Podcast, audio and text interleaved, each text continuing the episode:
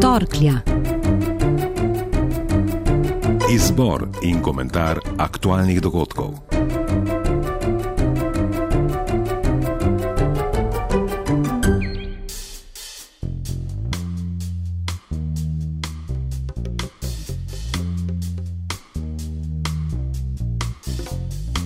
Svoboda gibanja, človeško dostojanstvo, pravica do življenja brez strahu, pravica do življenja v miru. To so le štiri od temeljnih človekovih pravic, zapisanih v splošni deklaraciji o človekovih pravicah, ki so jo Združeni narodi sprejeli leta 1948 po grozotah druge svetovne vojne. V teh dneh smo pri nas videli in dopustili poteptati vse: človečnost, dostojanstvo, svobodo. Videli smo strah, miru že dolgo ni več. V tem tednu je v Slovenijo prišlo več kot 50 tisoč beguncev. Ena od njih je povedala. Hvala Bogu, da smo se rešili vojne, a tu z nami ravnajo zelo slabo. Počutimo se kot zaporniki, smo brez hrane, brez vode.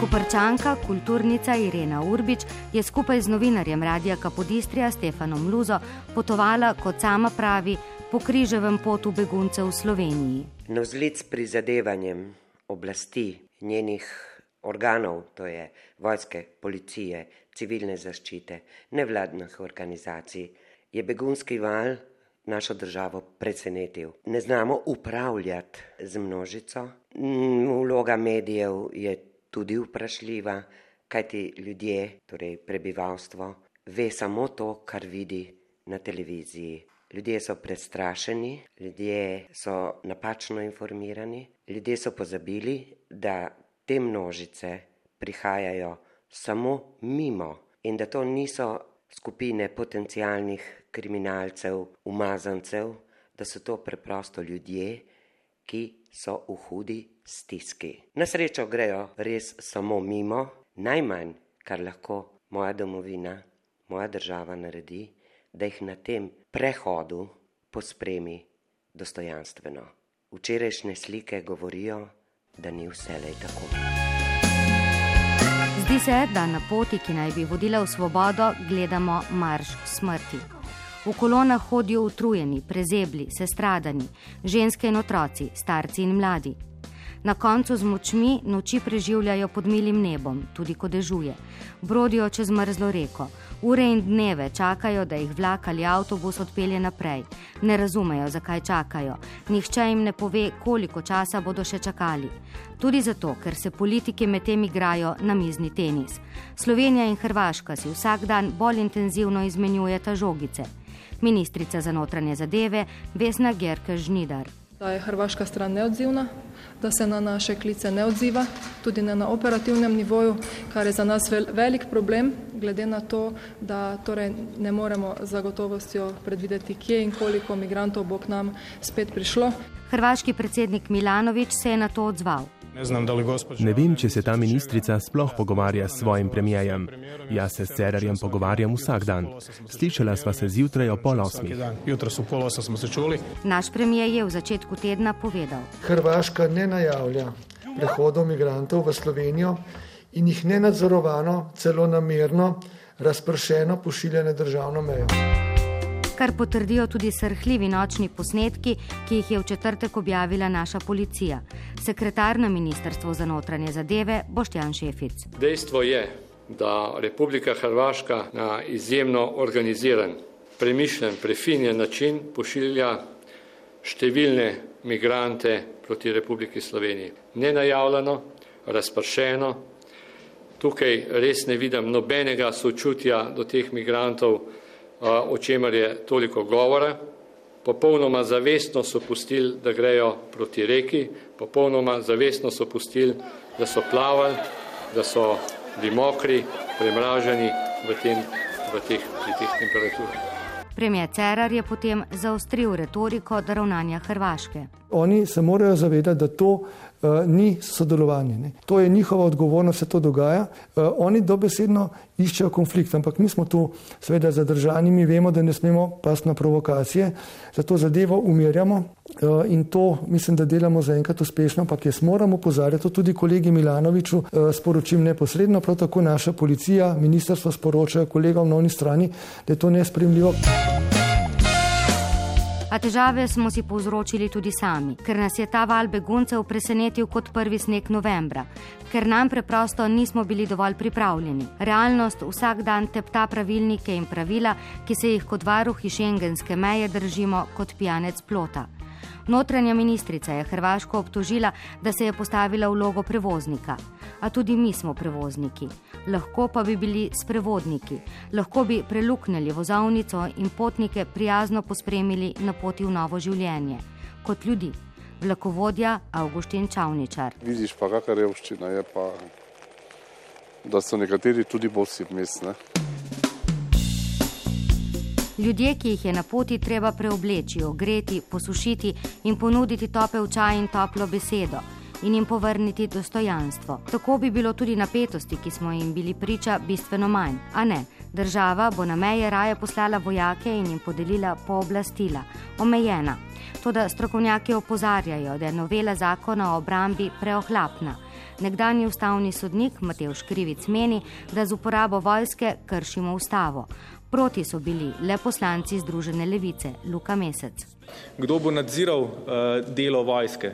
Ministrica je rekla, da bo nadzor potekal enako kot nad delom policije, ampak civilna sfera vojaško ne sme posegati in to vsi vemo. Potem je tukaj vprašanje prisilnih sredstev, ki jih lahko uporabljajo. Bomo v Sloveniji uvedli izredne razmere, to bi bilo lahko v že tako napetem ozračju na meji s Hrvaško nevarno. Zakon za zdaj še ni aktiviran, miri premijer Cerar, ki pri varovanju Evrope, kot pravi, računa na pomoč Evropske unije. Če te ne bo, pa bomo morali uporabiti vse, kar moremo in smemo tudi ograje, ki bi jih nekateri na mejo postavili že zdaj. Poslanec SDS Branko Grims. Če bi v vladi razmišljali strateško, eh, bi eh, postavili ograjo, namesto da so posmehovali Orbanu in skupaj s Mačarsko razglasili zaporo meje. Človekove pravice so znova orodje v rokah politikov.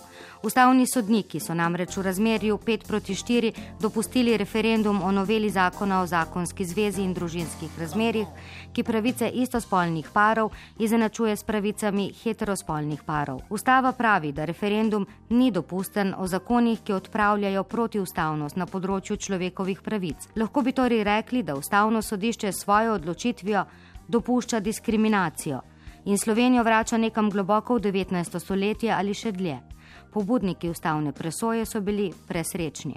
Res smo srečni, da je ustavno sodišče odločilo v prid ljudi in ne elite. Teptajo osnovne človekove pravice, kajti na referendumu se bomo pravzaprav odločali, ali je treba diskriminirati na podlagi spolne usmerjenosti oziroma ali istospolne osebe sploh smejo biti v celoti enakopravne.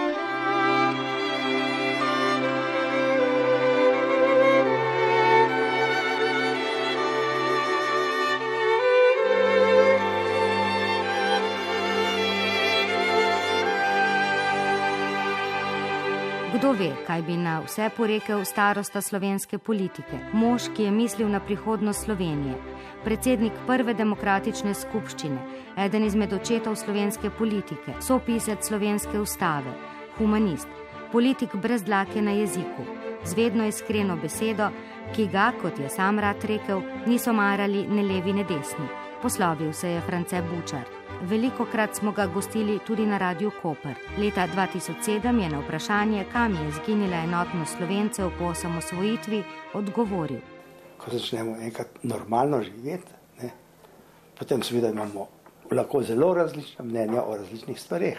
Treba pa priznati, da smo iz prejšnjega življenja, namreč ekosistema, podedovali vrsto različnih pogledov na nekatera zelo temeljna tudi svetovno-nazorska stališča.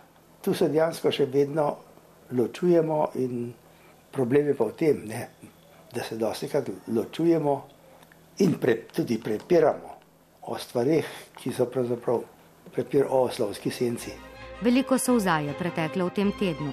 Solza obupa, nemoči, žalosti, a tudi solza sreče na obrazi naših odbojkarjev po osvojitvi srebrne medalje na Evropskem prvenstvu. Ja, od športnikov bi se o tem, kako smo močni, če smo povezani, enotni, če si prizadevamo za isti cilj, lahko veliko naučili tudi naši politiki. Moja.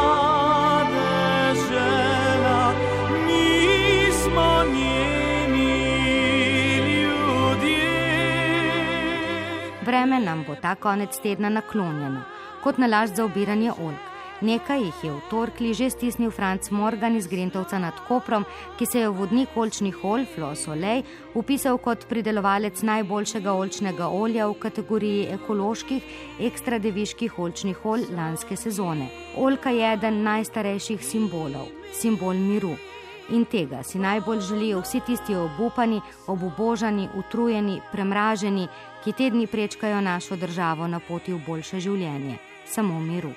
V naši torkli pa smo dogodke stisnili glasbeni urednik Armando Šturman, tonski tehnik Jaka Žagar in Barbara Campos. Ponosno.